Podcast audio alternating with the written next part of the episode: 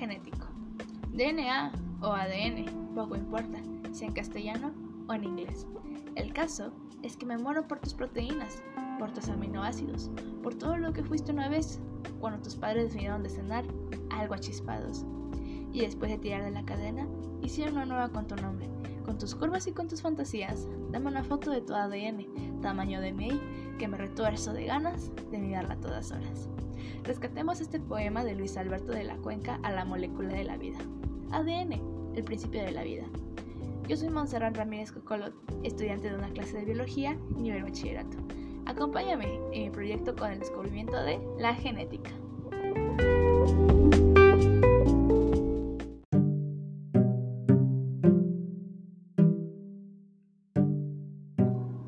¿Qué es la genética? Uf, cuán complejo es el desglose de este tema. Como todo comienzo, necesita de un punto de inicio. En este caso, el padre de la genética fue Gregorio Mendel, quien tuvo el mejor criterio para definir características totalmente contrastantes. Tuvo un buen panorama para comprender los patrones que en la vida se presentan. Para darle un significado súper resumido, la genética es la rama de la biología que estudia la herencia. Gregorio Mendel llamaba lo que nosotros conocemos como gen como factor de herencia. En este caso, factor es igual a gen. Él se basó con un chicharo, sí, de esos que te comes en un rico caldo de pollo, como un objeto de estudio. Dicho de una forma más finolis para la ciencia, su objetivo de estudio fue un pisum sativum. Como dato curioso, vamos a tomar en cuenta la simbología de una mujer y un hombre, ya que en la genética abordamos mujer y hombre o hembra y macho. Si recuerdan, la simbología de una mujer es representada con un círculo donde en la parte de abajo se observa una cruz y en la del hombre, de igual forma, se encuentra en un círculo con una flecha en diagonal en la parte de arriba. La cruz de la mujer significa signo de divinidad y la flecha del signo del hombre simboliza el pene. Los círculos de ambos sexos pudieron haber sido generados en la época del antropocentrismo, donde se describe al hombre como el centro del universo.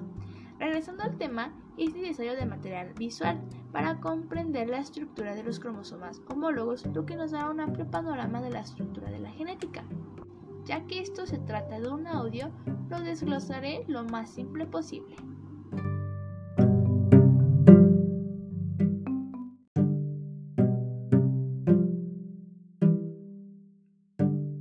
¿Qué son los cromosomas homólogos?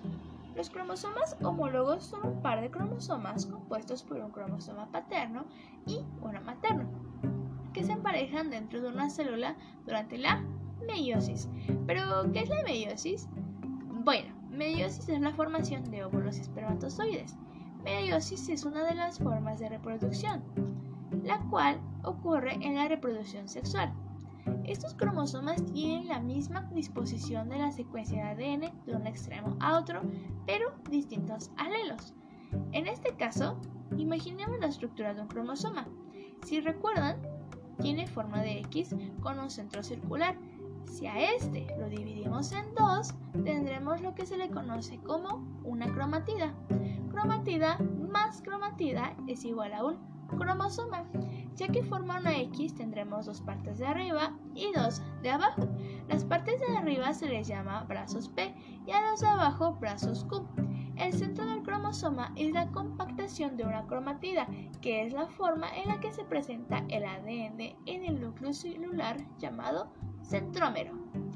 En la cromatida encontraremos a un locus, que es la región donde se ubica un gen. Un gen es la unidad molecular de herencia genética, pues ahí se almacena la información genética y permite transmitirla a la descendencia.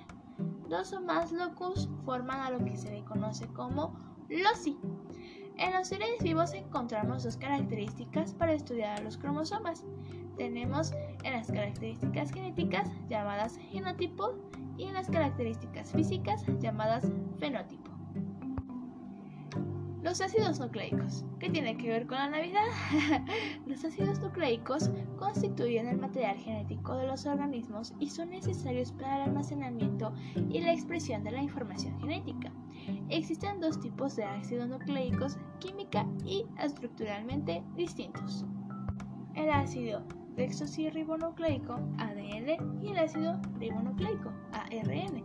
Ambos se encuentran en todas las células procariotas, eucariotas y virus. Cada organismo vivo se divide en uno o dos grupos, eucariotas o procariotas. La estructura celular determina a qué grupo pertenece un organismo.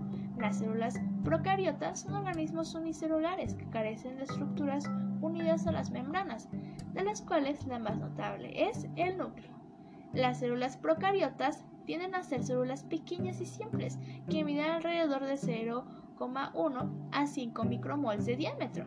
En cambio, las eucariotas son organismos cuyas células tienen un núcleo y otros orgánulos encerrados por una membrana plasmática. Los orgánulos son estructuras internas responsables de una variedad de funciones, como la producción de energía y la síntesis de proteínas. Y por último, los virus. Los virus contienen pequeñas cantidades de ARN, ácido ribonucleico o ADN, ácido desoxirribonucleico.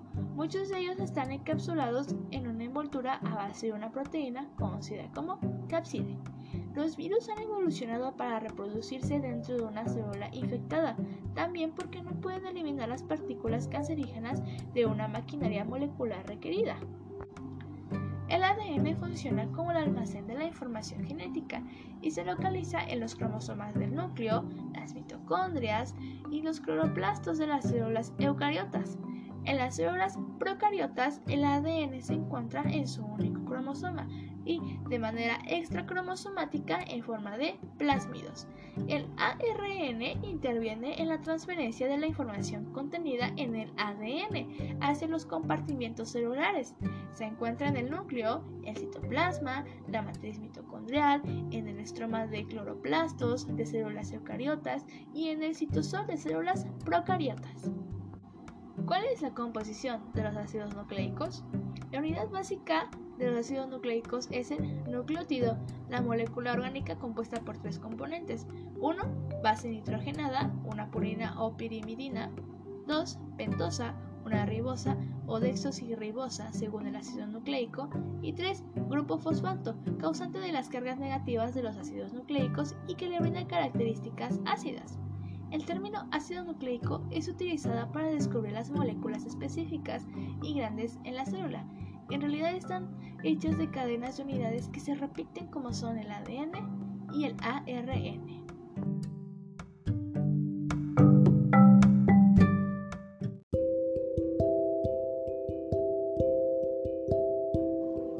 La genética es la rama de la biología que estudia la herencia el código genético son las instrucciones que le dicen a la célula cómo hacer una proteína específica.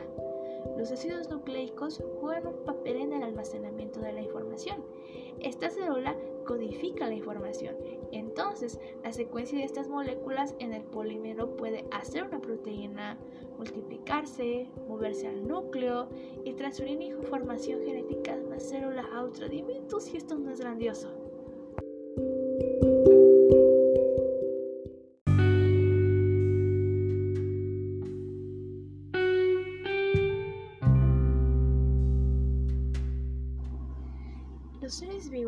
Son las únicas entidades del universo que llevan dentro de sí mismas una descripción de lo que son, una descripción que está constituida por una estructura, el genoma, que no solo describe la naturaleza de su portador, sino que proporciona las instrucciones para generarlo y para permitirle vivir, reproducirse y desplegar sus capacidades.